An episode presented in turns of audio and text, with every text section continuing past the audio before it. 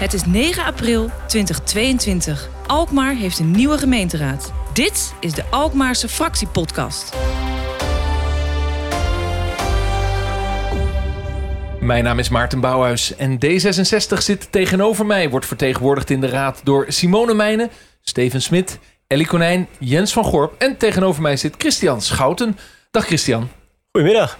Ehm, het grootste doel van de fractie, hebben jullie dat? Ja, natuurlijk. We hebben heel veel doelen. Nee, ehm, ons grootste doel, wat ik denk dat wij eh, nu echt gewoon voor de raad zelf willen bereiken. Wij willen een grote verbindende factor worden. We merken, het, de, het politieke landschap is echt enorm versplinterd. We hebben niet minder dan 13 fracties eh, in de nieuwe raad. Dat is een gemiddelde van drie zetels per fractie. En er zitten nog een aantal onder, zitten een aantal boven. Maar het, is, het gaat alle kanten op. En we willen dus nu echt een, een nieuwe coalitie vormen, een brede coalitie, zo breed mogelijk gedragen.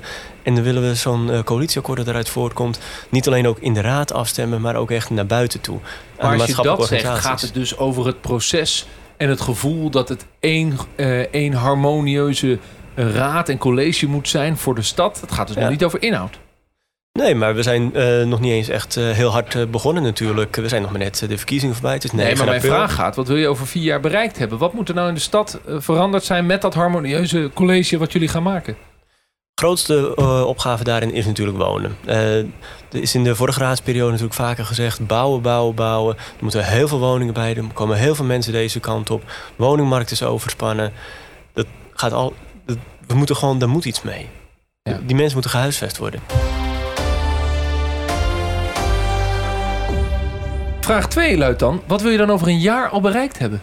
Ik hoop dat we een heel stuk dichterbij weer een normale setting zijn. Dat we niet alleen maar hebben over corona dit, corona dat, alle, uh, overal naartoe en terug. Maar dat we gewoon weer echt kunnen doen waarvoor we zitten. Waarvoor we vier jaar geleden ook tekenden. Dat we weer echt over de stad kunnen hebben. Over problemen die in de stad zitten. Over opgaves die de stad heeft. Bijvoorbeeld, kijk, dat wonen is natuurlijk ook lange termijn. Dat is er ook uh, morgen allemaal niet.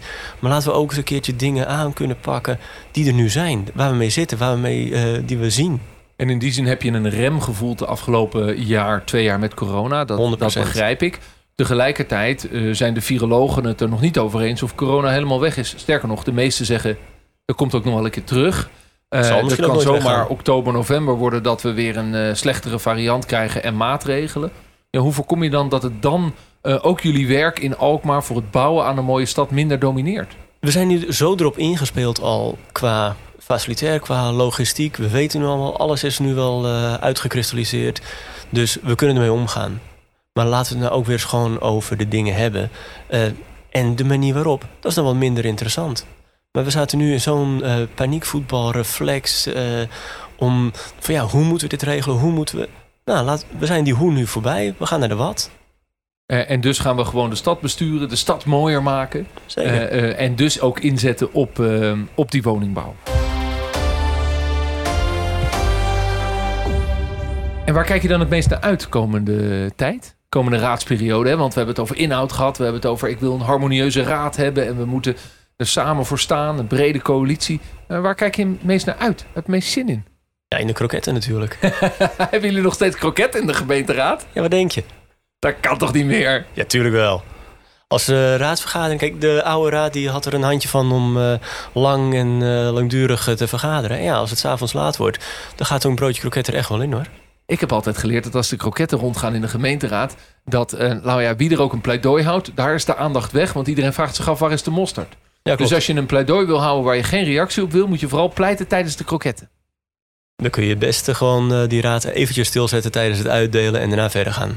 Uh, maar aan de andere kant is het doel dat die raadsvergaderingen niet meer zo ellenlang duren en dat er niet meer zoveel procedurevergaderingen komen. Dus het zou eigenlijk goed nieuws zijn als we geen kroketten meer krijgen, omdat we gewoon efficiënter vergaderen. Ja, of vooraf voorafgaan. Dus dat we van het werk komen, kroketje en dan, uh, en dan die raadsvergadering. Ja. Kijk eens even. Gaat deze Ik wil gewoon samenwerken met elkaar onder het genot van een, uh, een hapje en een drankje. En D66 wordt onderdeel van het nieuwe college? We leiden nu de formatietafel als grootste partij. Dus uh, het is voorlopig de, de, de bedoeling, ja. Dankjewel voor dit gesprek.